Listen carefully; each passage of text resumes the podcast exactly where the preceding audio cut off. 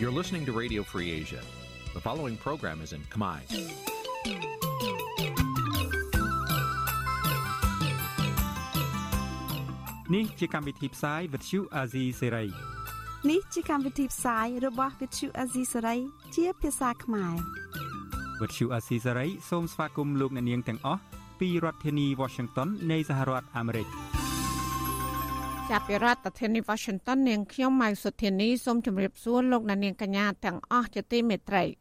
ចាយើងខ្ញុំសូមជូនការផ្សាយសម្រាប់ព្រឹកថ្ងៃប្រហោះ11រោចខែបឋមសាទឆ្នាំថោះបញ្ញស័កពុទ្ធសករាជ2567ហើយដល់ត្រូវនៅថ្ងៃទី13ខែកក្កដាគ្រិស្តសករាជ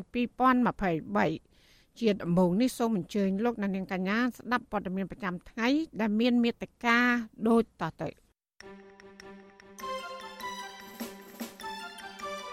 មន្ត្រីសិទ្ធិមនុស្សនិងអ្នកវិភាគថាអំពើអយុត្តិធម៌នៅតែបន្តកើតមានទោះមានការផ្លាស់ប្ដូរចៅក្រមអង្គការសហជីវជាតិទាមទាររដ្ឋាភិបាលដោះលែងកញ្ញាសេងធារីជាបន្ទាន់និងដោយឥតលក្ខខណ្ឌមន្ត្រីសហជីពលើកឡើងថាការបញ្ឈប់ការងារស្ត្រីមានផ្ទៃពោះ3នាក់នៅរោងចក្រសានហ្វេងគឺជាការរំលោភសិទ្ធិការងារ រោងចក្រមួយចំនួនជាប់ពាក់ព័ន្ធនឹងការកាប់បំផ្លាញព្រៃឈើក្នុងតំបន់ការពាររួមនឹងព័ត៌មានសំខាន់សំខាន់មួយចំនួនទៀតកាជាបន្តទៅទៀតនេះនាងខ្ញុំម៉ៅសុធានីសូមជូនព័ត៌មានទាំងនោះពឺស្ដាប់ចាលោកនានីជាទីមេត្រីប្រជាប្រដ្ឋនិងមន្ត្រីសិទ្ធិមនុស្សបារម្ភថាប្រព័ន្ធយុតិធធននឹងបន្តធ្លាក់ចុះក្រោយពីមានការតែងតាំងផ្ទេរនិងដំឡើងឋានៈចៅក្រមមួយចំនួន ដែលធ្លាប់កាន់សំណុំរឿងរបស់មេដឹកនាំនិងសកម្មជនបកប្រឆាំងបរដ្ឋនិងមន្ត្រីសិទ្ធិមនុស្សថាការដំឡើងតំណែងដល់ចៅក្រម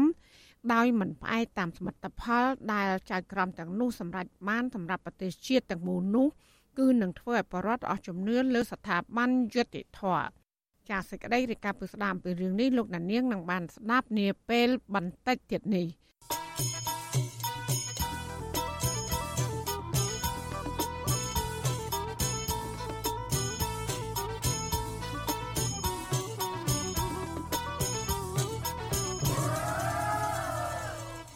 ចាលោកដានៀងជាទីមេត្រីតកតងនឹងការឃុំខ្លួនកញ្ញាសេងធីរីវិញក្រុមការងារអង្គការសហប្រជាជាតិប្រឆាំងនឹងការឃុំខ្លួនតាមទំនឹងចិត្តទាមទារអរដ្ឋាភិបាលកម្ពុជាដោះលែងកញ្ញាជាបន្ទាន់និងដោយគ្មានលក្ខខណ្ឌមន្ត្រីសង្គមស៊ីវិលគាំទ្រចំពោះការទាមទារឲ្យដោះលែងនេះហើយលើកឡើងថារដ្ឋាភិបាលនឹងទទួលបានផលចំណេញពីការដោះលែងកញ្ញាសេងធីរីឲ្យមានសេរីភាពឡើងវិញ ចាអ្នកស្រីសុជីវី មានសេចក្តីរាយការណ៍ជំវិញបញ្ហានេះក្រុមការងារអង្គការសហប្រជាជាតិប្រឆាំងនឹងការឃុំខ្លួនតាមទំនឹងចិត្តចាត់ទុកការឃុំខ្លួនកញ្ញាសេងធីរី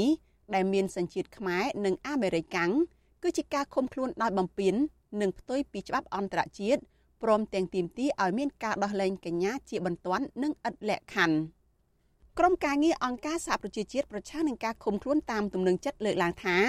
បើទោះបីជាកញ្ញាសេងធីរី ជាកូនកំព្រាតាំងពីរបបកម្ពុជាប្រជាធិបតេយ្យឬខ្មែរក្រហមនិងបានភៀសខ្លួនទៅរស់នៅសហរដ្ឋអាមេរិកក្តីក៏កញ្ញាបានធ្វើការពេញមួយជីវិត ដើម្បីលើកកម្ពស់សិទ្ធិមនុស្សសេចក្តីសម្រេចរបស់ក្រុមការងារអង្គការសហប្រជាជាតិប្រឆាំងនឹងការឃុំខ្លួនតាមទំនឹងចិត្តនៅថ្ងៃទី12ខែកក្កដាលើកឡើងថាដោយសារការឃុំខ្លួនកញ្ញាសេងធីរីធ្វើឡើងតាមរយៈការរើសអើងនិន្នាការនយោបាយ និងការកាត់ក្តីទាំងវងដូច្នេះកញ្ញាសេងធីរីមិនមានលទ្ធភាពទទួលបានយុត្តិធម៌នោះឡើយមេធាវីសិទ្ធិមនុស្សអន្តរជាតិរបស់កញ្ញាសេងធីរីលោក Jared Genser មានប្រសាសន៍នៅក្នុងសេចក្តីថ្លែងការណ៍ផ្សាយនៅថ្ងៃទី12ខែកក្កដាថាបើទោះបីជាដឹងខ្លួនថាអាចនឹងប្រឈមនឹងគ្រោះថ្នាក់យ៉ាងណាក្តីក៏កញ្ញាសេងធីរីនៅតែតស៊ូមតិដោយឥតសំចៃមាត់ដើម្បីទាមទារឲ្យមានការគោរពសិទ្ធិមនុស្សនិងលទ្ធិប្រជាធិបតេយ្យ លោកបន្ថែមថាកញ្ញាសេងធីរី គឺជាវីរៈជនខ្មែរអាមេរិកាំងដែលក្លាហានហ៊ានប្រឈមមុខនឹងការឃុំខ្លួន ដើម្បីស្វែងរកយុត្តិធម៌ហើយនាងសមនឹងទទួលបានការគាំទ្រពីពិភពលោក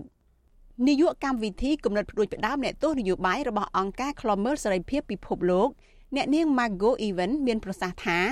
ករណីរបស់កញ្ញាសេងធីរីគឺតំណាងឲ្យករណីឃុំខ្លួនមនុស្សជាច្រើនទៀតដែលជាប់ពន្ធនាគារនៅកម្ពុជា ដោយសារតែការលើកកម្ពស់សេរីភាពបញ្ចេញមតិនិងការទាមទារឲ្យមានការបោះឆ្នោតដោយសេរីនិងយុត្តិធម៌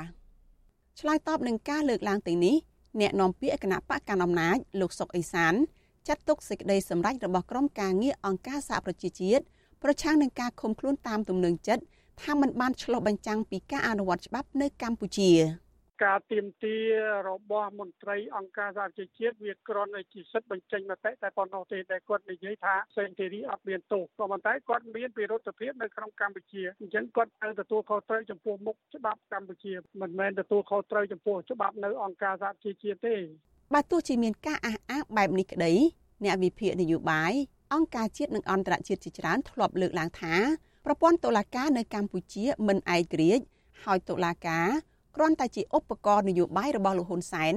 ដើម្បីធ្វើបាបអ្នកនយោបាយសកម្មជនសិទ្ធិមនុស្សនិងសកម្មជនបរិស្ថាន ដែលរិះគន់ការដឹកនាំរបស់លោកតែប៉ុណ្ណោះជុំវិញរឿងនេះអ្នកនាំពាក្យសមាគមការពារសិទ្ធិមនុស្សអាត6លោកសឹងសែនករណាគាំទ្រចំពោះការទៀមទាឲ្យដោះលែងកញ្ញាសេងធីរីឲ្យមានសេរីភាពឡើងវិញលោកបន្ថែមថាក្រៅពីអាចបានការសាទរពីអង្គការជាតិនិងអន្តរជាតិហើយនោះ រដ្ឋាភិបាលក៏អាចនឹងទទួលបានការគាំទ្រពីបណ្ដាប្រទេសនាំមុខលទ្ធិប្រជាធិបតេយ្យផងដែរប្រសិនបើរដ្ឋាភិបាលដោះលែងកញ្ញាសេងធីរី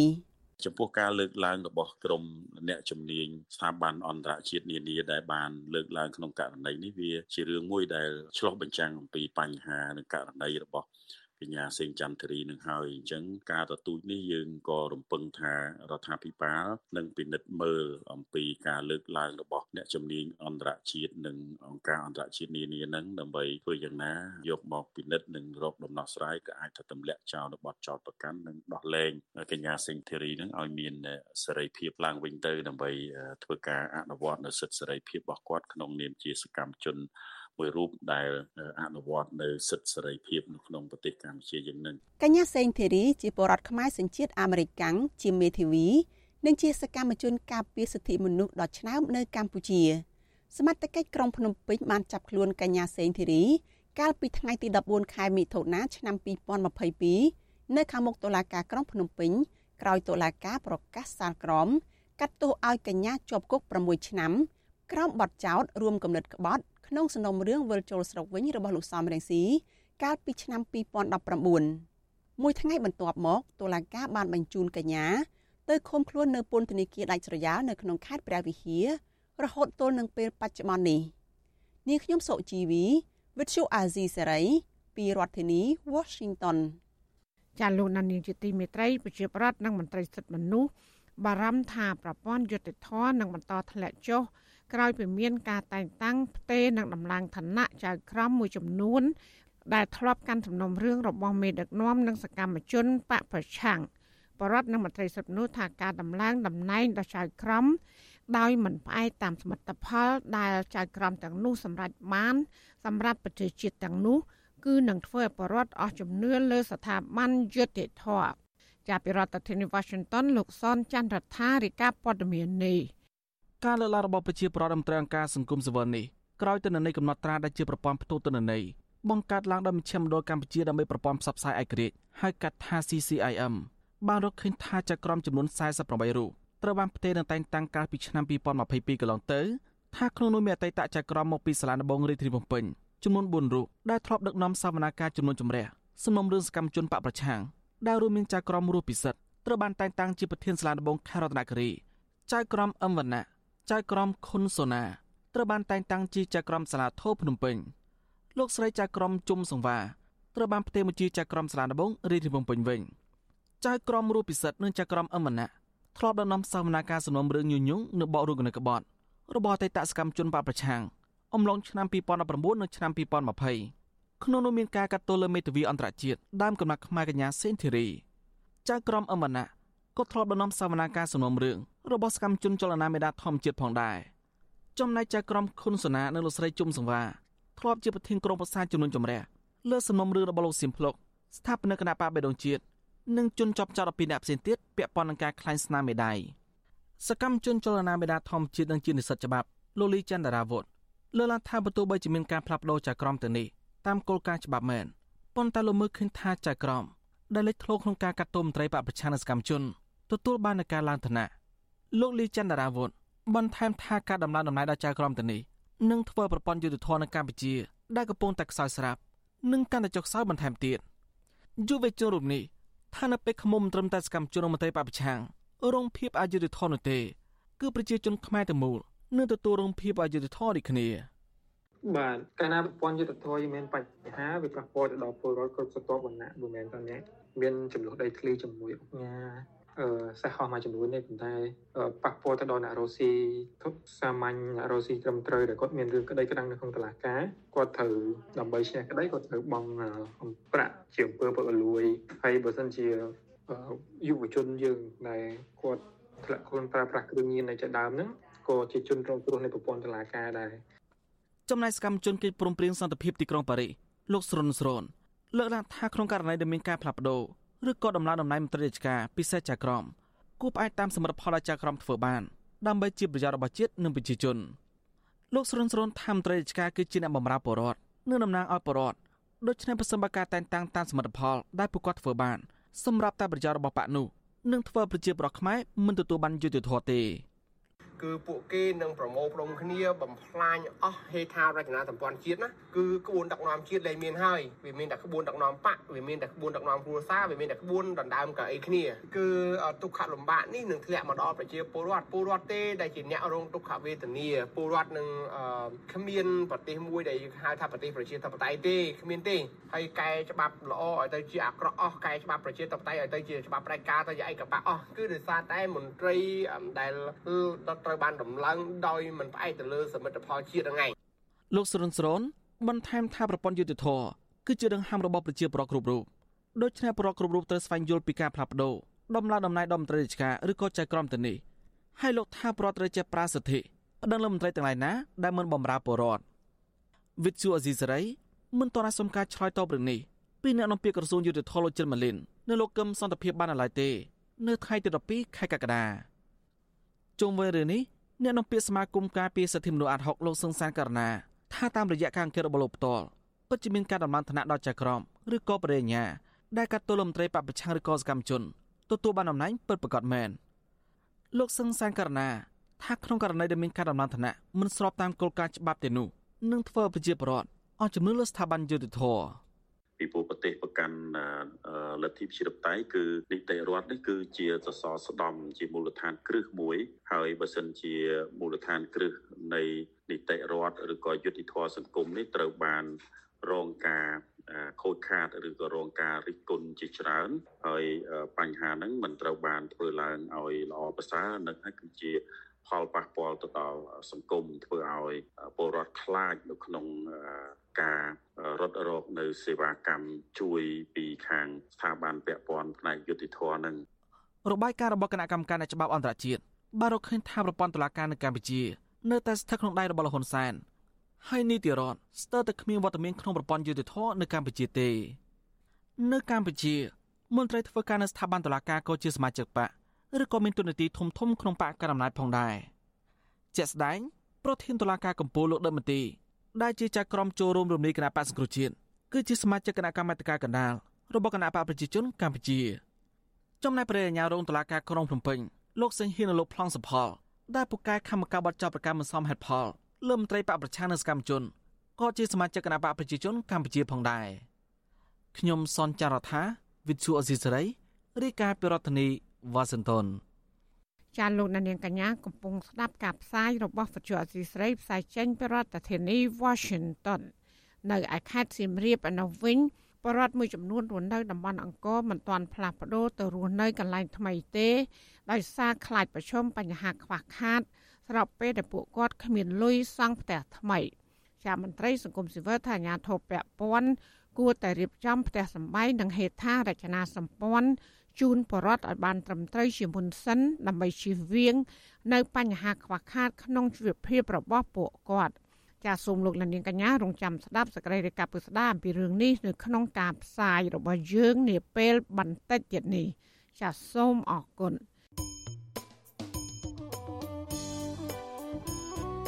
ចាលោកនានីជាទីមេត្រីដំណើរគ្នានឹងស្ដាប់ការផ្សាយរបស់វិទ្យុអសីសេរីតាមបណ្ដាញសង្គម Facebook YouTube និង Telegram លោកអ្នកនាងក៏អាចស្ដាប់ការផ្សាយតាមរយៈរលកធាតុអាកាសខ្លីឬ short wave តាមកម្រិតនិងកម្ពស់ដូចតទៅពេលព្រឹកចាប់ពីម៉ោង5កន្លះដល់ម៉ោង6កន្លះតាមរយៈប៉ុស SW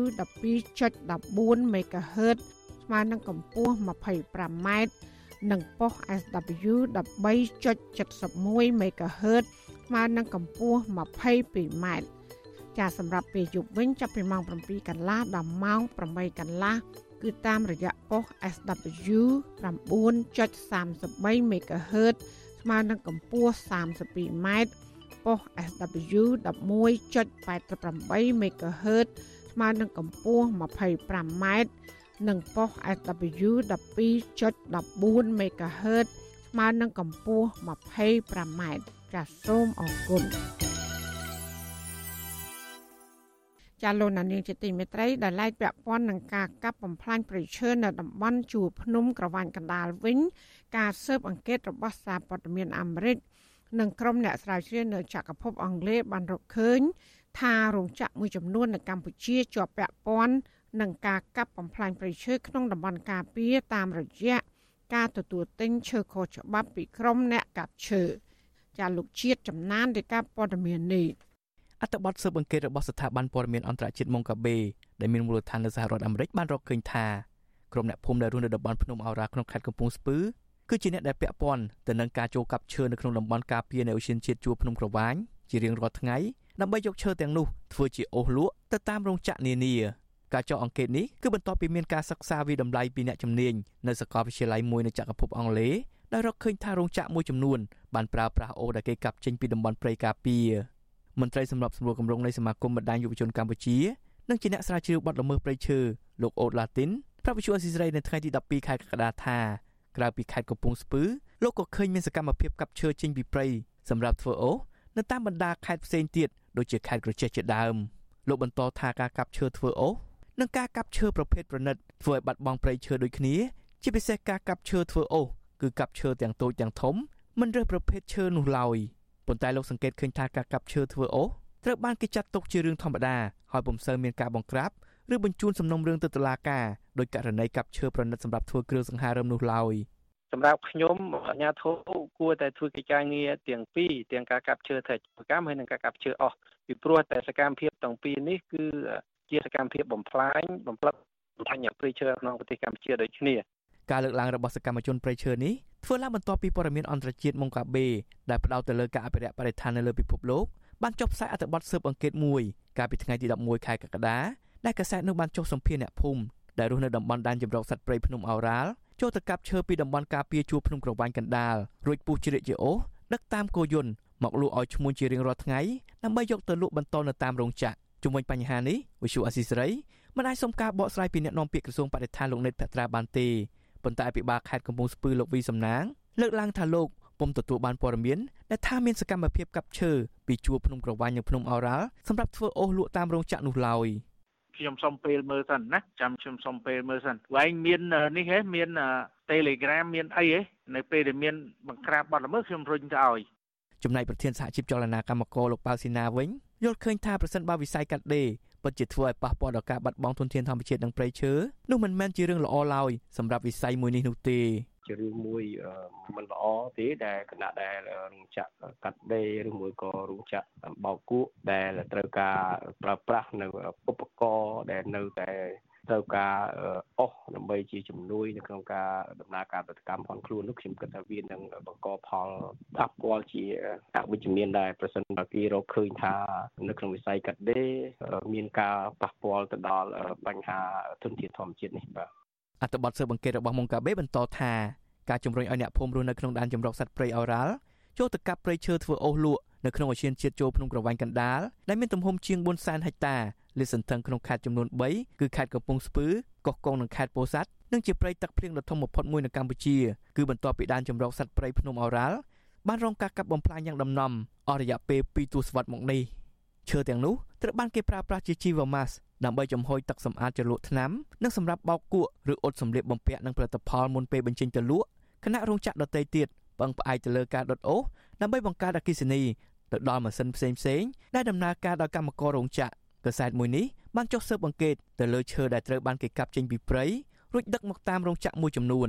ការចុះអង្កេតនេះបន្ទាប់ពីមានការសិក្សាមួយកាលពីឆ្នាំ2021ដើម្បីវិតម្លៃពីទំហំឈើចេញពីព្រៃដែលត្រូវបានគេប្រើប្រាស់ក្នុងរោងចក្រកាត់ដេរចំនួន255រោងចក្រនៅកម្ពុជាការសិក្សានេះរកឃើញថាក្នុងចំណោមរោងចក្រកាត់ដេរចំនួន255នៃសមាជិកសមាគមរោងចក្រកាត់ដេរកម្ពុជា គឺមានរោងចក្រ48បានសារភាពថាពួកគេប្រើប្រាស់ឈើចេញពីព្រៃសុទ្ធសាធឬឈើព្រៃចម្រុះនិងប្រភពប្រេងឥន្ធនៈផ្សេងទៀតអ្នកសិក្សាជឿថាប្រហែល30%នៃរោងចក្រនៅកម្ពុជាកំពុងប្រើប្រាស់ឈើដែលកាប់ចេញពីព្រៃដោយខុសច្បាប់ដើម្បីធ្វើអុសដុតជុំវិញការផ្សាយនេះវិសុអស៊ីសេរីពុំអាចសុំការបំភ្លឺពីអគ្គលេខាធិការនៃសមាគមរោងចក្រកាត់ដេរនៅកម្ពុជា លោក Ken Lu បានទេនៅថ្ងៃទី12ខែកក្កដាទោះជាយ៉ាងណាក្តីលោក Ken Lu បានប្រាប់សារព័ត៌មានមុងកាបេដោយទាត់ចោលការសិក្សារកឃើញនោះ និងអះអាងថារោងចក្រទាំងនោះប្រើប្រាស់ឈើដែលនាំចេញពីប្រភពចម្ការប៉ុណ្ណោះទោះបីជាមានការបដិសេធពីមន្ត្រីសមាគមរោងចក្រកាត់ដេរនៅកម្ពុជានិងអភិបាលខេត្តកំពង់ស្ពឺយ៉ាងណាក្តីក៏ក្រុមអ្នកកាប់ឈើនិងឈ្មួញទិញឈើចេញពីព្រៃយកទៅលក់បន្តឲ្យរោងចក្របានប្រាប់សារព័ត៌មានមុងកាបេថាពួកគេបានប្រកបមុខរបរនេះតាំងពីឆ្នាំ2014មកក្រុមអ្នកកាប់ឈើចេញពីព្រៃអះអាងថាឈើអុសមួយគោយន្តលក់បាន20ដុល្លារក្នុងមួយថ្ងៃពួកគេអាចចូលកាប់ឈើអុសបាន2ដង ចំណែកក្រុមឈ្មួញដែលចាំទិញឈើពីក្នុងភូមិបានអះអាងដែរថាឈើក្នុងមួយរថយន្តអាចផ្ទុកបាន6តោនគឺទិញពីភូមិក្នុងតម្លៃ125ដុល្លារនិងយកទៅលក់ឲ្យឈ្មួញដែលប្រចាំការនៅក្នុងខណ្ឌច្បារមនបានតម្លៃ200ដុល្លារក្នុងមួយរថយន្តអង្គការឃ្លាំមើលព្រៃឈើសកលបង្ហាញថាពីឆ្នាំ2001ដល់ឆ្នាំ2021ព្រៃឈើសរុបនៅខេត្តកំពង់ស្ពឺមានជាង7សែនហិកតាហើយឈើជាង1សែនហិកតា ឬស្មើនឹងប្រហែល29%ត្រូវបានបាត់បង់ដែលភាគច្រើនមកកឡើងពីការផ្ដោតដីសម្បត្តិសេដ្ឋកិច្ចរបស់រដ្ឋាភិបាលទៅឲ្យក្រុមហ៊ុនឯកជនខ្ញុំបានចិត្តចំណាន Visual Assisray ប្រធានាទី Washington ចាលោកណានៀងជាទីមេត្រីដោយឡែកតាក់ទងនឹងក្រុមគុតកោ Nagawal វិញអតីតបុគ្គលិកក្រុមហ៊ុនបនលបែងកាស៊ីណូ Nagawal នៅតែបន្តនាំគ្នាធ្វើកុតកម្មទាមទារដំណោះស្រាយពីក្រុមហ៊ុនបើទោះបីជាប្រឈមនឹងបញ្ហាជីវភាព និងរងការចាប់ប្រកាន់ពីប្រមុខរដ្ឋាភិបាលយ៉ាងណាក្តីមន្ត្រីសង្គមស៊ីវិលយល់ឃើញថាការបន្តធ្វើកុតកម្មនេះបង្ហាញពីការយល់ដឹងនៅគុណតម្លៃនៃសហជីពហើយនឹងទាមទារឲ្យក្រុមហ៊ុនគ្រប់សិទ្ធិការងារចាលោកយ៉ងច័ន្ទតារារាយការណ៍ព័ត៌មាននេះក្រុមកោតក្រ Nagavel នៅតែនាំគ្នាធ្វើកោតកម្មទាមទារឲ្យក្រុមហ៊ុនបនលបែងមួយនេះគោរពសិទ្ធិការងារនិងដោះលែងសហជីពដែលកំពុងជាប់ឃុំនៅក្នុងពន្ធនាគារ បើទោះបីជាចំនួនអ្នកតវ៉ាថយចុះនឹងត្រូវចែកវេនគ្នាយ៉ាងណាក្តីតំណាងគឧតកោ Nagawal កញ្ញាច័ន្ទស្រីរតប្រាប់វិទ្យុអាស៊ីសេរីនៅថ្ងៃទី12កក្កដាថា បច្ចុប្បន្នក្រុមគឧតកោចេញតវ៉ាតែម្ដង ទៅពីរដងប៉ុណ្ណោះនៅក្នុងមួយសប្តាហ៍កញ្ញាបន្តថាក្រុមគឧតកោត្រូវបែងចែកវេនគ្នាដោយសារពួកគាត់ត្រូវរកប្រាក់មកផ្គត់ផ្គង់ជីវភាពប្រចាំថ្ងៃកញ្ញាបន្ថែមថាការតវ៉ានេះនឹងបន្តធ្វើរហូតដល់តុលាការ ទម្លាក់ចោលបទចោទប្រកាន់និងដោះលែងតំណាងសហជីពដែលកំពុងជាប់ឃុំឯភាគីក្រុមហ៊ុនត្រូវទទួលយកបុគ្គលិកព្រមទាំងសហជីពឲ្យចូលធ្វើការវិញនិយាយទៅបើខាងសម្រុះសម្រួលពីក្រសួងការងារគឺអត់មានសម្រុះសម្រួលគាត់មានឆ្លើយថាមិនព្រមទេមិនព្រមទេដូចពួកខ្ញុំអញ្ចឹងពួកខ្ញុំតវ៉ាដើម្បីទាមទារចង់ចូលធ្វើការវិញតែបែរជាស្ថាប័នពាក់ព័ន្ធក៏អត់មានសមត្ថភាពក្នុងការដោះស្រាយបែរជាចោទពួកខ្ញុំធ្វើបដិវត្តពណ៌ទីឈ្មោះគេធ្វើបាតកម្មអីផ្សេងផ្សេងអញ្ចឹងទៅ គិតត្រឹមថ្ងៃទី12ខែកក្កដាឆ្នាំ2023អតីតបុគ្គលិកក្រុមហ៊ុន Casino Naga World បានធ្វើកោតកម្មអស់រយៈពេល572ថ្ងៃមកហើយចាប់តាំងពីក្រុមហ៊ុន បានបញ្ឈប់បុគ្គលិកជាង1000នាក់កាលពីឆ្នាំ2021អ្នកធ្វើកោតកម្មមានចំនួនជាង30នាក់ដោយនាំគ្នាពាក់មួកបិទក្រដាស់ទម្រង់មកុដនិងមានសរសេរអក្សរអង់គ្លេស LRSU ដែលជាឈ្មោះសហជីពត្រួតត្រងសិទ្ធិការងាររបស់ពួកគាត់ ចំណែកអ្នកខ្លះមានកាន់ស្លាកសរសេរថា572ថ្ងៃដើម្បីសិទ្ធិសហជីពមិនមែនស៊ីឈ្នួលមិនមែនជាបទញុះញង់និងខ្លះទៀតសរសេរថាដោះលែងកញ្ញាឈឹមស៊ីធជាបន្ទាន់ដែលអមដោយសម្លេងត្រែនិងស្គរបន្លឺឡើងនៅមុខអាគារ Nagawal 2ជាមួយគ្នានេះក៏មានការអធិប្បាយតាមមេក្រូស្នើឲ្យតុលាការដោះលែងកញ្ញាឈឹមស៊ីធនិងសមាជិកសហជីពដទៃទៀតពីពន្ធនាគារ ជាពិសេសគឺការទាមទារឲ្យក្រុមហ៊ុន Nagawal ទទួលយកបុគ្គលិកនិងក្រុមសហជីពឲ្យចូលធ្វើការវិញវិទ្យុអាស៊ីសេរីមិនអាចតាក់ទងแนะនាំពាក្យក្រសួងការងារនិងបណ្ដុះបណ្ដាលវិជ្ជាជីវៈលោកហេងសួរដើម្បីសុំការបកស្រាយរឿងនេះបានទេ នៅថ្ងៃទី12ខែកក្កដាជុំវិញរឿងនេះ អ្នកនាំពាក្យសមាគមការពារសិទ្ធិមនុស្សអាត6លោកសឹងសែនករណាយល់ឃើញថា ក្រុមកោតក្រសុកចិត្តនៅបន្តធ្វើកោតកម្មដោយសារតែពួកគាត់យល់ពីតម្លៃសហជីពដែលការពារសិទ្ធិ និងប្រយោជន៍របស់កម្មករក្នុងក្រុមហ៊ុនលោកបន្តថាសកម្មភាពទាំងនេះអាចក្លាយជាគំរូឲ្យក្រុមសហជីពនៅតាមស្ថាប័នផ្សេងទៀតងាកមកការពារសិទ្ធិកម្មករជាជាងការពារផលប្រយោជន៍ឲ្យក្រុមហ៊ុន។យើងឃើញស្រាប់ហើយពួកគាត់សុកចិត្តប្រកាន់នៅចំហដោយសមស្របការពារនៅផលប្រយោជន៍បុគ្គលិកកម្មករខ្មែរស្របតាមច្បាប់ ទៅស្របតាមសិទ្ធិរបស់ពួកគាត់រួមទាំងការពារនៅសហជីពដែលមានចំហឯករាជ្យការពារផលប្រយោជន៍របស់បុគ្គលិកកម្មករខ្មែរទោះបីថាមានភាពប្រឈមលំបាកយ៉ាងណាក៏ពួកគាត់ធ្វើដែរក្រុមកុតកោដែលនៅបន្តធ្វើកុតកម្មសុទ្ធតែអះអាងដូចដូចគ្នាថាមានតែសហជីពត្រួតត្រងសិទ្ធិការងារនៃក្រុមហ៊ុន Nagawal នេះប៉ុណ្ណោះដែលមានគោលជំហរការពារសិទ្ធិបុគ្គលិកនៅពេលមានការបៀតបៀន និងការប្រើប្រាស់អំពើហិង្សាពីភ្ញៀវនិងពេលក្រុមហ៊ុនរំលោភសិទ្ធិការងារចាប់តាំងពីមានការធ្វើកោតកម្មនៅចុងឆ្នាំ2021មកក្រុមកោតក្រនិងតំណាងសហជីពបានរងការចោទប្រកាន់ការចាប់ខ្លួននិងការឃុំខ្លួនជាហូរហែដោយក្នុងនោះប្រមុខរដ្ឋាភិបាលលោកហ៊ុនសែនបានចោទប្រកាន់ថាក្រុមកោតក្រ Nagawal ស៊ីឈ្នួលធ្វើបាតុកម្មចំណែកឯសាលាដំបងរាជធានីភ្នំពេញវិញតុលាការជាន់ទាបមួយនេះ បានចេញសារក្រមកាលពីខែឧសភាឆ្នាំ2023ផ្ដន់ទាទោសប្រធានសហជីពគឺកញ្ញាឈឹមស៊ីធឲ្យជាប់ពន្ធនាគារចំនួន2ឆ្នាំនិងសមាជិកសហជីព6នាក់ទៀតជាប់គុកចន្លោះពី1ឆ្នាំទៅ1ឆ្នាំកន្លះទោះបីជារងការចោទប្រកាន់និងការគំរាមកំហែងយ៉ាងណាក្តីក្រុមកោតក្រនៅតែរក្សាជំហរធ្វើកោតកម្មរហូតទទួលបានយុត្តិធម៌និងដំណោះស្រាយខណៈពួកគាត់ស្នើទៅថ្នាក់ដឹកនាំរដ្ឋាភិបាលឲ្យបញ្ឈប់ការចោទប្រកាន់ ថាពួកគាត់ជាអ្នកស៊ីឈ្នួលធ្វើបាតុកម្មបន្តទៅទៀតខ្ញុំយ៉ងច័ន្ទដារាវិទ្យុអាស៊ីសេរី Washington ចាលោកនាយកជាទីមេត្រីពាក់ព័ន្ធនឹងកម្មករនៅរោងចក្រវិញមន្ត្រីសហជីពថាការបញ្ឈប់ការងារស្ត្រី មានផ្ទៃពោះនៅរោងចក្រសាងហ្វេងនៅក្រុងបាវិតខេត្តសៀមរាប គឺជាការរំលោភសិទ្ធិការងារមន្ត្រីសហជីពរំនោះក៏អំពាវនាវដល់ក្រសួងការងារឲ្យត្រួតពិនិត្យនៅប័ណ្ណបញ្ជាផ្ទៃក្នុងតាមរោងចក្រ ដើម្បីការពារសិទ្ធិកម្មករចាលោកនៅវណ្ណរិនរាជការព័ត៌មាននេះមន្ត្រីសហជីពរកឃើញថាថៅកែរោងចក្រមួយចំនួនរួមទាំងរោងចក្រសានហ្វេងបានបង្កើតប័ណ្ណបញ្ជាផ្ទៃក្នុងខ្លួនឯងខុសពីគោលការណ៍ច្បាប់ស្តីពីការងារដើម្បីជាលេសក្នុងការបញ្ឈប់កម្មករឬសហជីពប្រធានសហជីពចលនាកម្មករលោកប៉ៅស៊ីណាប្រាប់វិទ្យុអាស៊ីសេរីនៅថ្ងៃទី12កក្កដាថា ការបញ្ឈប់ការងាររបស់ស្ត្រីមានផ្ទៃពោះនៅតែបន្តកើតមានជាបន្តបន្ទាប់ក្រោមហេតុផលមិនសមរម្យគឺជាការរំលោភសិទ្ធិស្ដីពីការងារលោកបន្តថាការបញ្ឈប់ការងារស្ត្រីមានផ្ទៃពោះទាំងនេះធ្វើឲ្យពួកគេបាត់បង់ការងារនិងមិនអាចស្វែងរកកន្លែងធ្វើការផ្សេងទៀតបានដោយងាយនោះទេហើយក៏ប៉ះពាល់ធ្ងន់ធ្ងរដល់សេដ្ឋកិច្ចគ្រួសាររបស់ពួកគេថែមទៀតផង។ ជាទូទៅនៅពេលដែលគេប្រជុំគាត់គេតែងតែយកកំហុសឆ្គងមកតើដើម្បីជាលេសនៅក្នុងការមិនផ្ដល់សំណងមិនផ្ដល់ការទូទាត់ណាមួយទេអានេះអ្វីដែលជាអ្វីដែលយើងមើលឃើញបាទប៉ុន្តែជាពិតគាត់អត់បានប្រព្រឹត្តកំហុសអីទាំងអស់អ្វីដែលសំខាន់គឺនយោជកនឹងគាត់ជាអ្នកប្រព្រឹត្តកំហុសដោយខ្លួនឯងជាពិសេសគឺនយោជកកំពុងតែប្រើប្រាស់បទបញ្ជាផ្ទៃក្នុងដែលខុសច្បាប់ឬក៏ការបង្កើតបទបញ្ជាផ្ទៃក្នុងដែលខុសច្បាប់ដើម្បីយកបទ បញ្ញត្តិទាំងអស់នោះមកប្រើទៅលើបងប្អូនកម្មករនៅពេលដែលគេប្រឈប់គេយល់ថាកម្មករខុសហើយគេមិនចាំបាច់បង់សំណងប៉ុន្តែអ្វីដែលយើងរកឃើញទង្វើទាំងអស់ដែលនយោជកបញ្ឈប់ស្ត្រីដែលមានផ្ទៃពោះគឺសុទ្ធសឹងបាននឹងបានកំពុងតែប្រព្រឹត្តផ្ទុយពីច្បាប់ឬក៏ប្រើប្រាស់បទបញ្ជាផ្ទៃក្នុងដែលខុសពីច្បាប់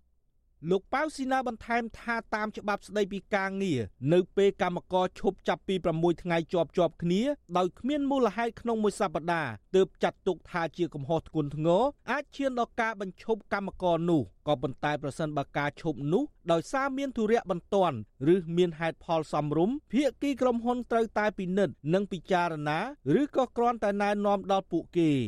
ប្រធានសហជីពរូបនេះស្នើដល់ក្រសួងការងារត្រួតពិនិត្យប័ណ្ណបញ្ជាផ្ទៃក្នុងតាមរោងចក្រនីមួយៗដើម្បីការពារសិទ្ធិកម្មករខ្មែរជាពិសេសស្ត្រីមានផ្ទៃពោះនិងចាត់វិធានការច្បាប់លើរោងចក្រដែលមានប័ណ្ណបញ្ជាផ្ទៃក្នុងផ្ទុយពីច្បាប់ការងារនេះវិទ្យុអាស៊ីសេរីនៅមិនទាន់អាចតាក់ទងរោងចក្រសានហ្វេងនិងអ្នកនាំពាក្យក្រសួងការងារលោកហេងសួរដើម្បីសុំការបកស្រាយជុំវិញបញ្ហានេះបានឡើយនៅថ្ងៃទី12កក្កដា កម្មការនីមានផ្ទៃពោះ3ខែត្រូវបានថៅកែរោងចក្រសានហ្វេងបញ្ឈប់ពីការងារគឺលោកស្រីឡូមរ៉ានីនប្រាប់វិទ្យុអាស៊ីសេរីថាប័ណ្ណបញ្ជាផ្ទៃក្នុងនៅក្នុងរោងចក្រអនុញ្ញាតឲ្យឈប់4ថ្ងៃក្នុងមួយខែហើយប្រសិនបើឈប់លើសកំណត់ចំនួន3ថ្ងៃរោងចក្រនឹងបញ្ឈប់ពីការងារលោកស្រីបន្តថាលោកស្រីទើបតែឈប់បានតែ2ថ្ងៃប៉ុណ្ណោះថែមទាំងបានជូនដំណឹងផ្នែករដ្ឋបាលរោងចក្រនិងទទួលបានការអនុញ្ញាតទៀតផង លោកស្រីបន្តថានៅថ្ងៃទី10ខែកក្កដាប្រធានផ្នែកគ្រប់គ្រងក្នុងរោងចក្របានប្រាប់លោកស្រីថាថៅកែបញ្ឈប់លោកស្រីពីការងារនិងមិនបានបញ្ជាក់ពីមូលហេតុនោះទេខលទៅគេហើយថ្ងៃខ្ញុំមកចុងក្រោយខ្ញុំទៅដល់ទៅដល់កន្លែងធ្វើការហើយបងហើយចុំគេចឹងក៏គេឲ្យចេញដែរហើយគេក៏ប្រាប់យើងដែរបងគេថាក្នុងមួយខែហ្នឹង N3 ទៅគេបញ្ឈប់ហ៎បងហើយយើងទៅបានតែ2ទេត្រូវបានគេបញ្ឈប់ចោល ទោះយ៉ាងណាលោកស្រីឡូមរ៉ានីននិងសហជីពនៅតែស្នើយ៉ាងទទូចដល់ក្រសួងការងារឲ្យពង្រឹងវិធានការច្បាប់ដើម្បីការពារសិទ្ធិកម្មករនៅកន្លែងធ្វើការងារជាពិសេសសម្រាប់ស្ត្រីមានផ្ទៃពោះខ្ញុំបាទនៅវណ្ណរិន with Chu Azizi Saray ពីរដ្ឋធានី Washington ាលោកដានីជាទីមេត្រីក្នុងឱកាសនេះដែរនាងខ្ញុំសូមថ្លែងអំណរគុណ ដល់លោកដានីកញ្ញាទាំងអស់ដែលតែងតែមានភក្ដីភាពចំពោះការផ្សាយរបស់យើងហើយចាត់ទុកការស្ដាប់វិទ្យុអសីសេរី គឺជាផ្នែកមួយនៃសកម្មភាពប្រចាំថ្ងៃរបស់លោកអ្នកការគ្រប់គ្រងរបស់លោកដានីងនេះហើយដែលធ្វើយើងខ្ញុំមានទឹកចិត្តកាន់តែខ្លាំងថែមទៀតក្នុងការស្វែងរកនិងផ្តល់ព័ត៌មានជូនដល់លោកដានីងចាំមានអ្នកស្ដាប់អ្នកទេសនាកាន់តែច្រើនកាន់តែធ្វើយើងខ្ញុំមានភាពស្វាហាប់មោះមុតជាបន្តទៀត ចាយើងខ្ញុំសូមអរគុណទុកជាមុនហើយក៏សូមអញ្ជើញលោកដានៀងកញ្ញាចូលរួមជំរុញឲ្យសកម្មភាពផ្ដល់ព័ត៌មានរបស់យើងនេះកាន់តែជោគជ័យបន្ថែមទៀតលោកដានៀងអាចជួយយើងខ្ញុំបានដោយគ្រាន់តែចុចចែករំលែកឬ share ការផ្សាយរបស់យើងនេះនៅលើបណ្ដាញសង្គម Facebook និង YouTube ទៅកាន់មិត្តភ័ក្តិដើម្បីឲ្យការផ្សាយរបស់យើងនេះបានទៅដល់មនុស្សកាន់តែច្រើនចាសសូមអរគុណ លោកអ្នកស្ដាប់ជាទីមេត្រីដែលឡែកអ្នករត់កង់3មួយចំនួននៅរាជធានីភ្នំពេញអះអាងថាមួយរយៈពេលចុងក្រោយនេះស្កាត់មនុស្សខ្លាំងនាំឲ្យចំណូលបានមកពីការដឹកជញ្ជូនបាត់បង់អស់ស្ទើរតែទាំងស្រុងការបាត់បង់ចំនួននេះធ្វើឲ្យអ្នករត់កង់3បារម្ភថាម្ចាស់បំណុលអាចរឹបអូសយកកង់3របស់ពួកគាត់នៅថ្ងៃណាមួយចានេះគឺជាសកម្មភាពរបស់លោកសេកបណ្ឌិតជំនាញព័ត៌មាននេះ អ្នកប្រកបមុខរបររថកង់3មួយចំនួន នៅក្នុងរាជធានីភ្នំពេញអះអាងថា ស្ថានភាពមនុស្សស្ងាត់ខុសប្លែកពីធម្មតាធ្វើឲ្យចំណូលរបស់ពួកគាត់ថយចុះខ្លាំងរហូតថ្ងៃខ្លះរកប្រាក់មិនបានក៏មានដែរអ្នករត់កង់3នៅតំបន់ទួលគោកក្នុងរាជធានីភ្នំពេញលោកយ៉ែមវ៉ាន់ទឹកឲ្យដឹងថាតម្រូវការសម្រាប់ការសងបំណុលនិងហូបចុកឲ្យបានសមរម្យគឺលោកត្រូវរកប្រាក់ឲ្យបានយ៉ាងតិច 80000រៀលក្នុងមួយថ្ងៃទើបគ្រប់ប៉ុន្តែលោកថាមួយរយៈពេលចុងក្រោយនេះថ្ងៃខ្លះលោករកបានតែ10000រៀលក៏មានលោកយ៉ែមវ៉ាន់ទឹកថ្លែងថាក្នុងរយៈពេលប្រមាណ2ខែចុងក្រោយនេះមនុស្សចាប់ផ្ដើមស្ងាត់ជាបន្តបន្ទាប់ធ្វើឲ្យលោកមានក្តីបារម្ភនិងអស់សង្ឃឹមខ្លាំង សេដ្ឋកិច្ចជាតិនេះប្រហែលជានឹងពីណាជួយពីណានេះខ្ញុំពិបាកបានស្មានអងហើយទៅតាមសភាពរងថ្ងៃនេះមើលទៅខ្ញុំអត់អត់ទៅនឹងប៉ាន់ទៅមកអីធ្លាក់មែនតើមកមករយៈនេះខ្ញុំគិតឃើញធ្លាក់មែនតើលោកយ៉ែមវ៉ាន់ទឹកបានខ្ចីលុយពីធនាគារដើម្បីទិញកង់3តម្លៃជាង4000ដុល្លារហើយលោកត្រូវសងបំណុលធនាគារវិញ ក្នុងមួយខែជាង200ដុល្លារលោកបន្តថាមួយរយៈពេលចុងក្រោយនេះជួបបញ្ហាប្រឈមជាមួយនឹងធនាគារ ដល់ពេលបង់មានលុយមិនគ្រប់អ្នករត់កង់3ម្នាក់ទៀតលោកសោតសោភ័ណ្ឌឲ្យដឹងថា លោកចាប់រត់កង់3ពីម៉ោង6ព្រឹកដល់ម៉ោង2ទៀបភ្លឺទើបអាចរកចំណូលប្រចាំថ្ងៃបានប្រមាណ50000រៀលលោកសោតសោភ័ណ្ឌត្រូវបង់រំលោះកង់3មិត្តភ័ក្តិមួយខែ150ដុល្លារប៉ុន្តែលុយនោះ លោកខកខានបង់2ខែហើយដោយសុំការអនុគ្រោះពីមិត្តភ័ក្តិលោកសោតសុភ័ណ្ឌឲ្យដឹងថា ចំណូលប្រចាំថ្ងៃបានប្រមាណ40000ទៅ50000រៀលនេះគ្រាន់តែចំណាយលើកូន3នាក់កំពុងរៀននិងអាហារហូបចុកគឺពេលខ្លះមិនគ្រប់ផង លោកបារម្ភថាបើម្ចាស់បំណុលដកហូតកង់3វិញ លោកត្រូវវេទនាមិនមានមធ្យោបាយបន្តជីវភាពទៀតនោះទេបហើយឥឡូវវារត់បានអញ្ចឹងបើថារត់ដងខ្ញុំពេលស្មានហើយខ្ញុំបាន7 8ម៉ឺនយកបន្ថែមទៀតទៅខ្ញុំបានគ្រាន់ដែរ ទុកមួយថ្ងៃបានតែ20 20អញ្ចឹងដល់ឥឡូវយើងវាទុកអត់បានចំណាយកូនកូនក្នុងអាទាំង3នាក់គឺអស់40000បាទតែទាំងមហូបហូបអីទាំងថ្លៃរៀនហើយវាអឺខ្ញុំថាយើងត្រូវបងលុយ pass app ឲ្យគេអញ្ចឹងថ្លៃតែត្រង់ហ្នឹងអញ្ចឹងអ្នករត់កង់3ម្នាក់ទៀតលោកខែមសខនឲ្យដឹងដែរថាលោកត្រូវបង់សងធនាគារជិត200ដុល្លារក្នុងមួយខែលោកបន្តថា ដោយសារចំណូលធ្លាក់ចុះខ្លាំងធ្វើឲ្យលោកសម្រេចបន្ថយថ្លៃអាហារជាងពាក់កណ្ដាលពីមុនយើងធ្លាប់ញ៉ាំអាហារដែលមានរសជាតិហើយឆ្ងាញ់តម្លៃ12000ក្នុងមួយពេលហើយយើងបកត្រឡប់មកញ៉ាំអាហារធម្មតាតាមចិញ្ចើមខ្នល់ដោយមួយពេលអាចចំណាយពី 5000ទៅ6000រៀលនេះគឺជាការសន្សំប្រាក់ដើម្បីសងត្រឡប់ទៅធនាគារវិញតែប៉ុណ្ណឹងហើយដើម្បីថែរក្សាឬការពារពេលដែលប្រាក់ចំណូលយើងទៀបយើងសន្សំដើម្បីញ៉ាំថ្ងៃស្អែកបន្តអ្នកបើកម៉ូតូកង់3ទាំងនេះអះអាងប្រហាក់ប្រហែលគ្នាថា មនុស្សនៅក្នុងរាជធានីភ្នំពេញស្ងាត់ខុសធម្មតានេះដោយសារតែរោងចក្រកាត់ដេរនិងអាជីវករមួយចំនួនបិទទ្វារឈប់ដំណើរការ នាំឲ្យប៉ះពាល់ដល់មុខរបរផ្សេងផ្សេងទៀតដូចជា ក្នុងផ្សារលក់ដូរមិនដាច់អ្នកដើរកំសាន្តក៏ឈប់ដើរពួកគេក៏សម្គាល់ឃើញដូចគ្នាដែរថាការស្ងាត់ភ្ញៀវនេះគឺអាចបណ្ដាលមកពីពលរដ្ឋបារម្ភពីស្ថានភាពនយោបាយដោយពួកគេសន្សំលុយទិញស្បៀងអាហារទុកហើយកាត់បន្ថយលើការចំណាយផ្សេងផ្សេង វត្តឈូអាស៊ីស្រីនៅពុំទាន់អាចតាក់ទងแนะនាំពាក្យសាលារាជធានីភ្នំពេញលោកមេតមីភក្តីដើម្បីសាកសួរជុំវិញបញ្ហានេះបានទេ នៅថ្ងៃទី11ខែកក្កដាទោះយ៉ាងណាអ្នកនាំពាក្យគណៈបកប្រជាជនកម្ពុជាលោកសុកអេសាន ប្រាប់បទសុអាស៊ីសេរី នៅថ្ងៃទី9កក្កដាថាបញ្ហាមនុស្សតាមផ្សារឬស្ងាត់អ្នកធ្វើដំណើរនេះគឺដោយសារមនុស្សរវល់ឃោសនាបោះឆ្នោតមិនពាក់ព័ន្ធនឹងវិបត្តិសេដ្ឋកិច្ច ឬពលរដ្ឋបារម្ភពីស្ថានភាពនយោបាយនោះទេប្រធានសមាគមប្រជាធិបតេយ្យនៃសេដ្ឋកិច្ចក្រៅប្រព័ន្ធលោកវ៉ាន់ពៅមានប្រសាសន៍ថា ចំណូលរបស់អ្នករត់កង់3និងអ្នកប្រកបរបរសេដ្ឋកិច្ចក្រៅប្រព័ន្ធផ្សេងទៀតចាប់ផ្ដើមចុះខ្សោយខ្លាំងតាំងពីដើមឆ្នាំ2023មកហើយបញ្ហានេះកាន់តែធ្ងន់ធ្ងរទៅពេលស្ថានភាពនយោបាយចុងក្រោយ ដែលមានការរារាំងគណៈបកភ្លើងទៀនមិនឲ្យចូលរួមការប្រគល់ប្រជែងការបោះឆ្នោត ការចាប់ខ្លួនសកម្មជនបកប្រឆាំងនិងមន្ត្រីអង្គការសង្គមស៊ីវិលជាដើមលោកវ៉ាន់ពៅបន្តថាដើម្បីបង្កើនចំណូលសម្រាប់សបំណុលធនាគារអ្នករត់កង់3មួយចំនួនត្រូវចេញរត់ទាំងយប់ទាំងថ្ងៃស្ទើរគ្មានពេលសម្រាកលោកបន្តថាការធ្វើការលើសកម្លាំងមិនបានសម្រាកគ្រប់គ្រាន់បែបនេះបណ្ដាលឲ្យចំនួនគ្រោះថ្នាក់ចរាចរណ៍កើនឡើង ក្នុងចំណោមអ្នករត់កង់3គាត់បន្ថែមរត់ពេលយប់ សឹងរស់ស៊ីមួយថ្ងៃ24ម៉ោងកាវឹកគាត់មានប្រាក់ចំណូលគូសំគាត់រត់ទៅពេលថ្ងៃទេដល់ឥឡូវគាត់ខំរត់ពេលយប់ទៀតហើយដល់រត់ពេលយប់ទៀតសោតវាជួបនឹងហានិភ័យមួយទៀតគឺគ្រោះថ្នាក់ចរាចរណ៍កើនឡើងច្រើនមែនទែនរយៈពេលចុងក្រោយនេះសម្រាប់សមាជិកសមាគមអ្នកខ្លះស្លាប់បាត់បង់ជីវិតអ្នកខ្លះរបួសធ្ងន់ធ្ងរ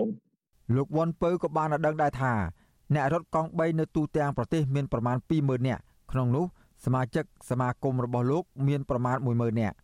ហើយអ្នករត់កង់3ជាសមាជិកសមាគមរបស់លោកប្រមាណ90%កំពុងជាប់បំណុលហើយពួកគេក៏កំពុងជួបការលំបាកខ្លាំងដោយសារមិនអាចរកប្រាក់សងបំណុលបានគ្រប់គ្រាន់ខ្ញុំបាទសេកបណ្ឌិតវិទ្យុអាស៊ីសេរីពីរដ្ឋធានីវ៉ាស៊ីនតោនចាលោកអ្នកស្ដាប់យុតិមេត្រីនៅអាខេតកំពង់ឆ្នាំងឯនោះវិញសកម្មជនការពារបរិស្ថាននិងមន្ត្រីសង្គមស៊ីវិលរិះគន់ចំណាត់ការរបស់រដ្ឋាភិបាលថាអនុវត្តច្បាប់ ដូចជាភ្លើងចម្បើងឬបានតែមួយឆាវការរិះគន់នេះធ្វើឡើងក្រោយពីដីព្រៃលិចទឹកទំហំជាង50ហិកតាស្ថិតនៅក្នុងតំបន់បឹងទន្លេសាបដែលគ្រប់គ្រងដោយក្រសួងកសិកម្មទទួលរងការឈូសឆាយឲ្យคล้ายជាវាលដើម្បីធ្វើជាកម្មសិទ្ធិឯកជន ដីព្រៃលិចទឹកស្ថិតក្នុងតំបន់បឹងទន្លេសាបដែលជាប្រភពប្រាក់ចំណូលយ៉ាងសំខាន់របស់ប្រជានេសាទ ជាចម្រោកត្រីបង្កកំណើតនិងជាកន្លែងសត្វស្លាបរស់នៅ នៅតែបន្តទទួលរងការឈូសឆាយឲ្យคล้ายជាវាលជាបន្តបន្ទាប់ដោយគ្មានយន្តការអភិរក្សឲ្យបានច្បាស់លាស់នៅឡើយមន្ត្រីសង្គមស៊ីវិលនិងសកម្មជនការពារបរិស្ថានបានហៅទង្វើរបស់អាជ្ញាធរខេត្តកំពង់ឆ្នាំង ថាមើងងាយបទបញ្ជារបស់លោកនាយករដ្ឋមន្ត្រីហ៊ុនសែនដែលបានបញ្ជាការពារដីព្រៃលិចទឹកឲ្យបានគង់វង្ស បើមិនដូច្នេះទេលោកនឹងដកតំណែងអភិបាលខេត្តនៅជុំវិញបឹងទលេសាប ការលើកឡើងនេះក្រោយពីដីព្រៃលិចទឹករបស់រដ្ឋស្ថិតនៅក្នុងតំបន់3នៃបឹងទលេសាបស្ថិតត្រង់ចំណុចយាយភៀកឃុំច្រណោកស្រុកកំពង់លែងត្រូវបានគេឈូសឆាយអស់ជាង50ហិកតាជាថ្មីទៀតកាលពីពេលថ្មីថ្មីនេះមន្ត្រីសម្របសម្រួលសមាគមការពារសិទ្ធិមនុស្សអាត6លោកស៊ុំច័ន្ទគាសង្កេតឃើញថាអាញាធរតែងតែចុះហាមឃាត់ និងដកហូតដីព្រៃលិចទឹកដែលគេឈូសឆាយអស់ជាច្រើនហិកតាក៏ប៉ុន្តែមិនឃើញខាត់ខ្លួនជនល្មើសនិងអ្នកពាក់ព័ន្ធមកផ្ដន្ទាទោសតាមច្បាប់នៅឡើយលើពីនេះទៀតអាជ្ញាធរក៏មិនបានហាមឃាត់នៅសកម្មភាពឈូសឆាយដីព្រៃលិចទឹកតាំងពីដំបូងមក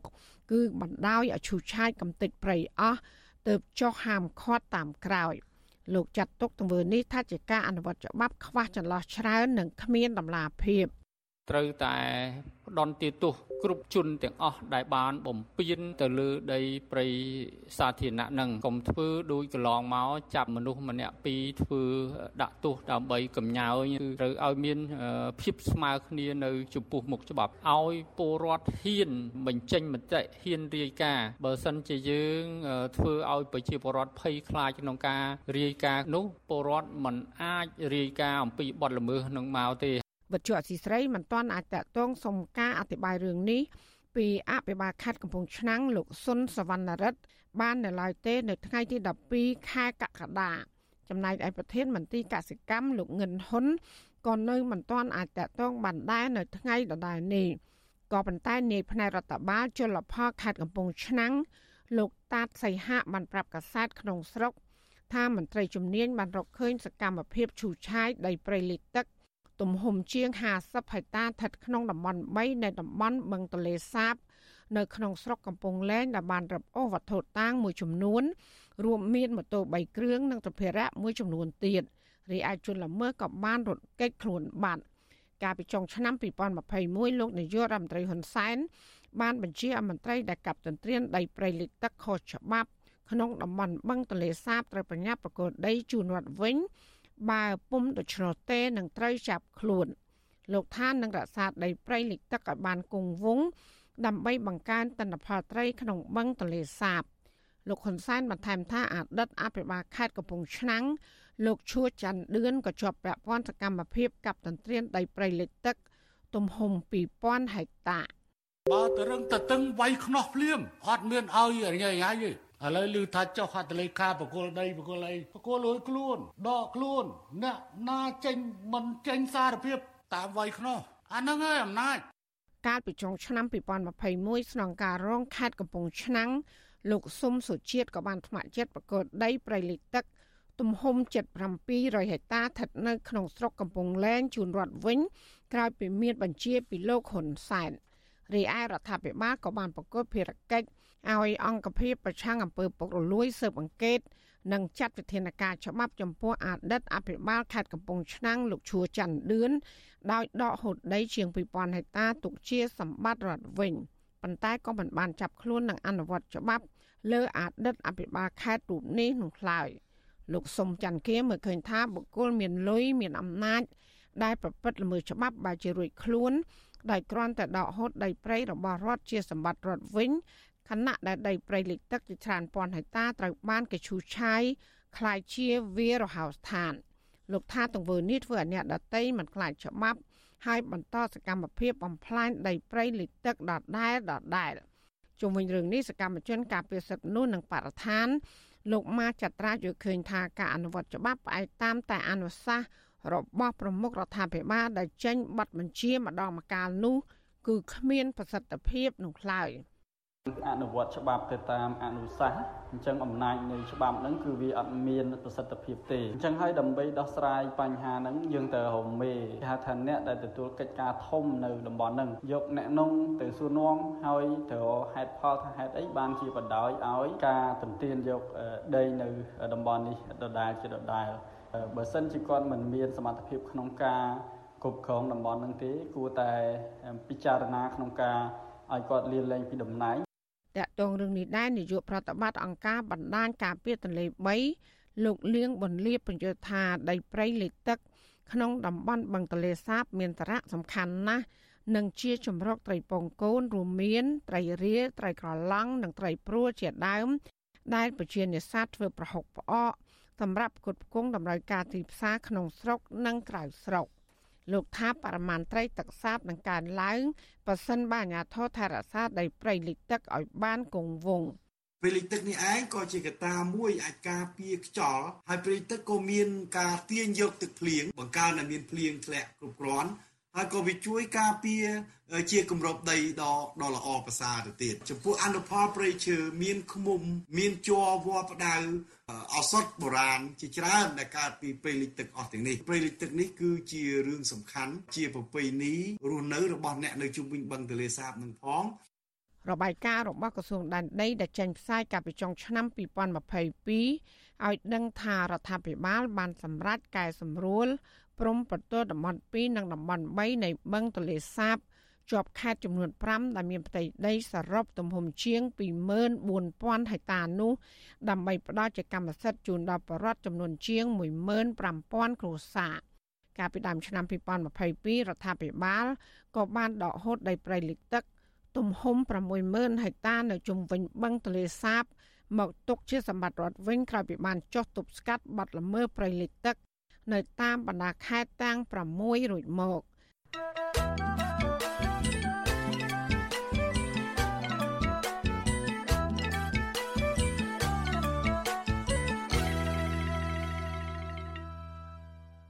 ចាលោកនានីជាទីមេត្រីដែលឡាយតាក់ទងនឹងគ្រោះថ្នាក់ចរាចរណ៍នៅកម្ពុជាវិញ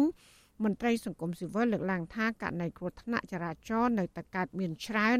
ដោយសារតែការរឹតបន្តឹងច្បាប់ចរាចរណ៍មានភាពធូររលុងនិងការអនុវត្តច្បាប់ចំពោះជនបង្កនៅមានចន្លោះប្រហោង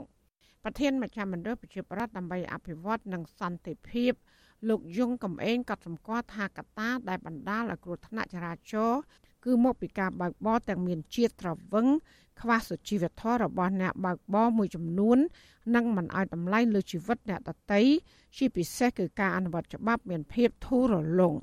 កត្តាគ្រោះថ្នាក់នៅតែមានចឹងហើយបើសិនជាយើងនៅតែអនុគ្រោះអត់ព្រមយកទោសទៅទៅដល់អ្នកបើកបរដែលក្រុមអិទ្ធិពលនៃគ្រឿងសង្វឹងគឺ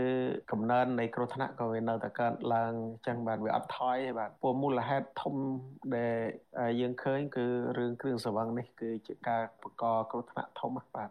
ការលើកឡើងរបស់មន្ត្រីសង្គមស៊ីវិលនេះក្រោយពីអគ្គស្នងការដ្ឋាននគរបាលជាតិ បញ្ចេញរបាយការណ៍បញ្ជាក់ថាក្នុងឆមាសទី1ឆ្នាំ2023នេះគ្រោះថ្នាក់ចរាចរណ៍ទូទាំងប្រទេសកើនឡើងសរុបចំនួនជាង1500ករណីក្នុងនោះគ្រោះថ្នាក់នៅពេលយប់54%ដែលបណ្ដាលឲ្យមនុស្សស្លាប់ជាង700នាក់និងរបួសជាង2000នាក់ចំពោះមូលហេតុដែលបង្កគ្រោះថ្នាក់ទាំងនោះរួមមាន ការបើកបរល្មើសល្បឿនកំណត់បើកបរមិនគ្រប់សិទ្ធិ មិនប្រកាន់ស្ដាំបើកបរប្រជែងកតាយានយន្តនិងការសែបគ្រឿងស្រវឹងជាដើមខេត្តក្រុងដែលមានគ្រោះថ្នាក់ចរាចរណ៍ច្រើនជាងគេគឺនៅរាជធានីភ្នំពេញខេត្តបរសៃអនុនិងខេត្តពោធិ៍សាត់របាយការណ៍បញ្ជាក់ថាបើធៀបទៅនឹងឆមាសទី1ឆ្នាំ2022គ្រោះថ្នាក់ចរាចរណ៍បានថយចុះ61លើក ហើយចំនួនអ្នកស្លាប់បានថយចុះចំនួន186នាក់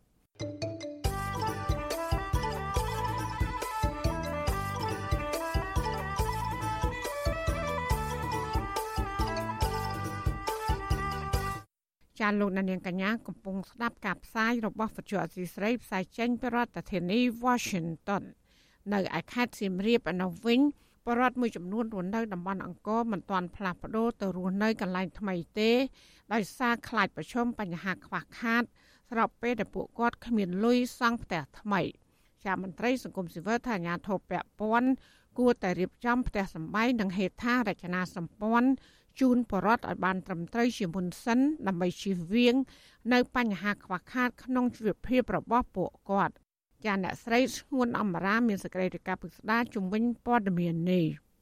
នៅចម្ងាយប្រមាណ2គីឡូម៉ែត្រខាងលិចប្រាសាទអង្គរវត្តគេឃើញមានភូមិមួយមានផ្ទះប្រជាពលរដ្ឋបែកបាក់រប៉ាត់រប៉ាយដោយមានដើមដូងស្វាយចេកត្នោត និងសំណល់ផ្លាស្ទិកជាដើមភូមិឋាននេះមើលទៅដូចជាកន្លែងគេបោះបង់ចោលគ្មានមនុស្សនៅ និងសល់តែសំណល់ផ្ទះទៅតែរុះរើយ៉ាងណាគេឃើញមានផ្ទះមួយចំនួន បាំងដោយកៅស៊ូនិងសង្កសី មានជញ្ជាំងធ្វើពីឈើមានចម្ងាយឆ្ងាយពីគ្នា50ទៅ60ម៉ែត្រនិងឃើញមានមនុស្ស3ទៅ4នាក់កំពុងអង្គុយជជែកនៅមុខផ្ទះតំបន់នេះ មានទីតាំងស្ថិតនៅក្នុងភូមិវាលសង្កាត់កោកចកក្រុងសៀមរាបតំបន់នេះ មានផ្ទះសម្បែងខ្លះបានរុះរើសល់តែគ្រឹះ និងមានពលរដ្ឋជាង100គ្រួសារពុំតាន់បានចាក់ចេញទៅរស់នៅទីតាំងថ្មី ដែលស្ថិតនៅភូមិរុនតាឯកស្រុកបន្ទាយស្រីនៅឡើយពលរដ្ឋទាំងនោះលើកឡើងថាពួកគាត់ពុំតាន់បានរុះរើផ្ទះទៅនៅតំបន់ថ្មី នៅភូមិរិនតាឯកនោះទេព្រោះបារម្ភជួបបញ្ហាជីវភាពខ្វះខាត ពេលពួកគាត់ទៅរស់នៅទីនោះរីឯពលរដ្ឋខ្លះទៀតដែលមានឈ្មោះទៅនៅភូមិពាក់ស្នែងថ្មី ស្រុកអង្គរធំក៏ពួកគាត់ ពុំតាន់រស់រើផ្ទះទៅនៅឡើយដែរព្រោះមិនតាន់បានលិខិតអញ្ជើញពីអាជ្ញាធរនៅឡើយទោះជាយ៉ាងណាពលរដ្ឋមួយចំនួនពុំចង់ទៅរស់នៅតំបន់នោះឡើយព្រោះខ្លាចមិនមានការងារធ្វើគ្មានប្រាក់ចំណូលចិញ្ចឹមជីវិត កំពុងដេកលើអង្រឹងមើលទូរស័ព្ទលោកមីកផូលីរស់នៅភូមិវាលសង្កាត់កោកចកក្រុងសៀមរាបដែលនឹងត្រូវទៅរស់នៅតំបន់រុនតាឯកនិយាយថាលោកមិនតាន់បានរើផ្ទះទៅកន្លែងថ្មីនោះទេ ព្រោះលោកពុំមានប្រាក់សម្រាប់សង់ផ្ទះថ្មី លោកបន្តថាសប្តាហ៍អាញាធរបានមកសួរនាំនិងប្រាប់លោកឲ្យចាក់ចេញពីតំបន់អង្គរនេះ3លើកហើយប៉ុន្តែលោកមិនតាន់រស់រើដោយសំពញាពេលព្រោះខំធ្វើការរកលុយសិនលោកមីផូលីដែលជាជាងឆ្លាក់រូបពីឈើលើកឡើងថាការរស់នៅកន្លែងថ្មី លោកបារម្ភពីសវត្ថិភាពបញ្ហាបាក់ស្រុតដីពេលលិចទឹក នឹងត្រូវចំណាយច្រើនលើការធ្វើផ្ទះខណៈដែលហេដ្ឋារចនាសម្ព័ន្ធវិញនៅមិនទាន់ធ្វើរួចនៅឡើយ។ហើយតែយើងមិនបានឬភាសាតែនោះយើងមិនបានសាងសង់អីហើយគេមកឲ្យធ្វើកិច្ចសន្យាឬ2ដង3ដងមិនដែលយើងចេះសុំពជារោគនៅនោះយើងអត់ទាន់បានធ្វើកន្លែងដាក់អីវ៉ាន់បើសិនយើងយកទៅដាក់អីវ៉ាន់កដាវាមិនកើតដោយសារយើងរលុយវាមិនបានទៅរោងទៅអីនោះណាដល់អញ្ចឹងទៅយើងប្រឹងធ្វើការនេះខ្លះសិនទៅរំបានលុយធ្វើតក់តក់នៅនោះបើធ្វើរួចបានយើងរើទៅ ចាប់តាំងពីអាញាធរប្រកាសឲ្យបុរដ្ឋផ្លាស់ទីលំនៅ ពីតំបន់អង្គរទៅរស់នៅតំបន់រនតាឯកក្នុងស្រុកបន្ទាយស្រីខេត្តសៀមរាបអស់រយៈពេលជាង4ខែមកនេះឃើញមានពលរដ្ឋភៀសច្រើនត្អូញត្អែពីបញ្ហាគ្មានការងារធ្វើ បាត់បង់ប្រាក់ចំណូលនិងបញ្ហាខ្យល់កន្ត្រាក់ទឹកលិចផ្ទះសម្បែងស្ទើររាល់លើក ពេលមានភ្លៀងធ្លាក់ខ្លាំងធ្វើឲ្យប៉ះពាល់ជីវភាពពួកគាត់លោកមិផលីទទូចឲ្យអាជ្ញាធរពាក់ព័ន្ធគួរតែគិតគូរពីសវត្ថិភាព និងជីវភាពជូនពួកគាត់ឲ្យបានដិតដល់បើពុំនោះទេពលរដ្ឋភៀសច្រើនដែលមករស់នៅទីតាំងថ្មីនិងមានជីវភាពកាន់តែក្រីក្ររៀបចំប្រព័ន្ធលូព័ន្ធអីឲ្យបានកាន់តែឆាប់ហ្នឹងទៅកាន់តែល្អដែរយើងដឹងថាការអភិវឌ្ឍថ្មីថ្មីវាមិនទាន់លឿនវាមិនទាន់ស្រួលបួលដូចចាស់ទេប៉ុន្តែបើសិនជាដឹងតែអភិវឌ្ឍថ្មីថ្មីមិនទាន់ឆាប់រហ័សទេគួរណាក៏ទុកពជាពេលឲ្យប្រជាពលរដ្ឋរស់នៅរបៀបចាស់សិនទៅចាំធ្វើអនុស្រួលបួលហ្នឹងទៅចាំ ឲ្យជាប្រត់ទៅទៅអញ្ចឹងទៅឲ្យគ្នាទៅដល់អាផ្ទះខ្លះធ្វើមិនទាន់រួចផងខ្យល់ប៉ើងអស់លោកមីផូលីឲ្យដឹងថា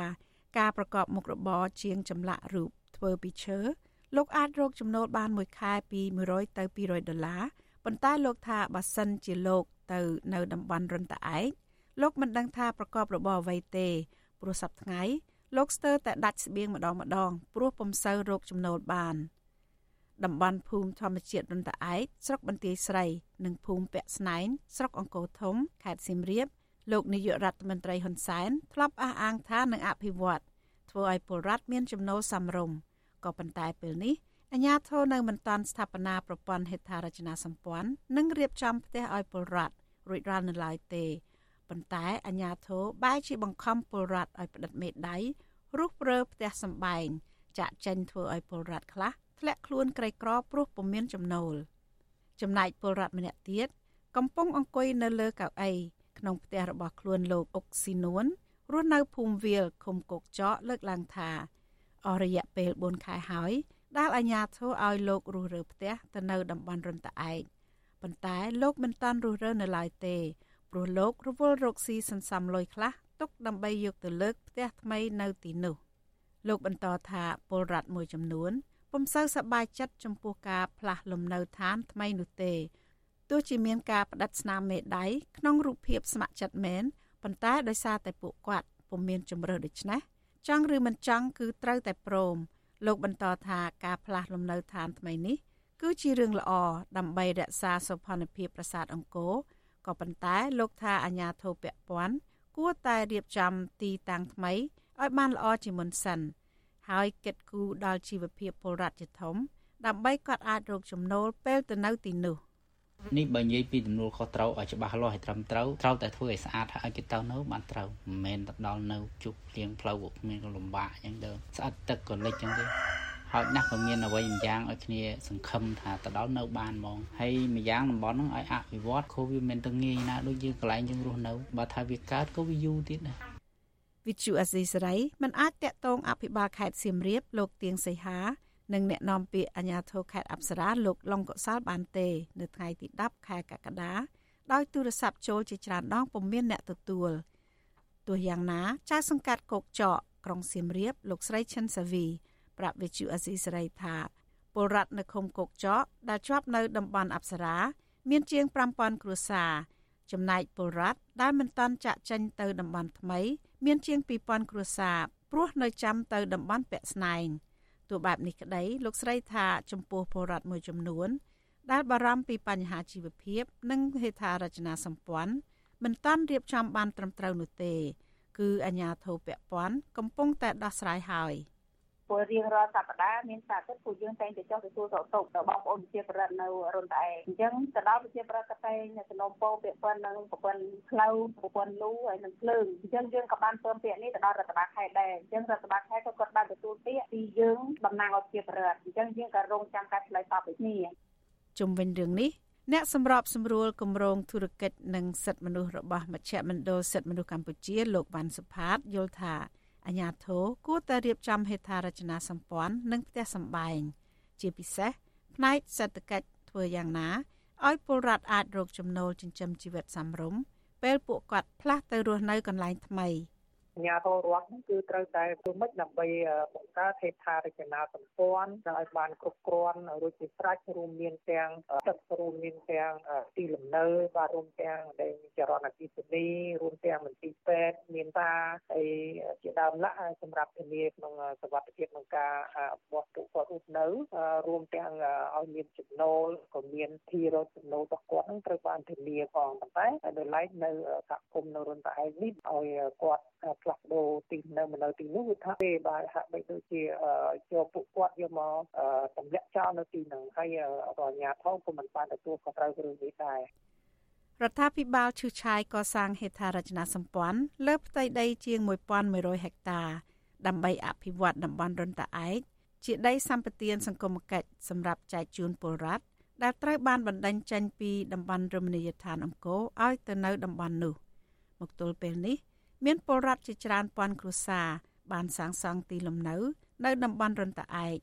ហើយក៏មានពលរដ្ឋខ្លះទៀតមិនទាន់មានលទ្ធភាពសាងសង់លំនៅឋានដោយខ្លួនឯងនៅឡើយទេរីឯតំបន់ពាក់ស្នែងស្រុកអង្គរធំ ដែលមានទំហំដីជិត2000ហិកតាពុំទាន់មានប្រជាពលរដ្ឋ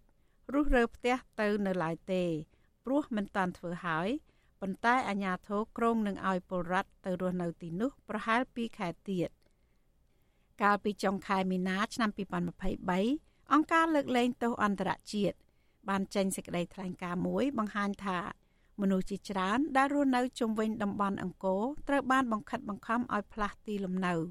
ទៅរស់នៅតំបន់រុនតាឯកខ្វះខាតហេដ្ឋារចនាសម្ព័ន្ធនិងទឹកស្អាតស្ថាប័នអន្តរជាតិមួយនេះរកឃើញថាមនុស្សជាច្រើនត្រូវបានបង្ខំឲ្យចាក់ចេញដោយការស្ម័គ្រចិត្តនិងធ្វើឲ្យអារម្មណ៍របស់ពួកគេ ភ័យខ្លាចប្រសិនបើពួកគេជំទាស់មិនព្រមចាក់ចេញនាងខ្ញុំស្ងួនអមរា Vithu Azisari ពីរដ្ឋធានី Washington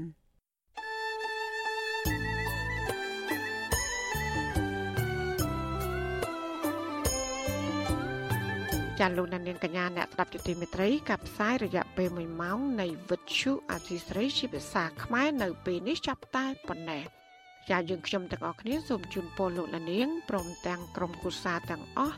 សូមជួបប្រកបតែនឹងសេចក្តីសុខសេចក្តីចម្រើន ជានិរន្តរ៍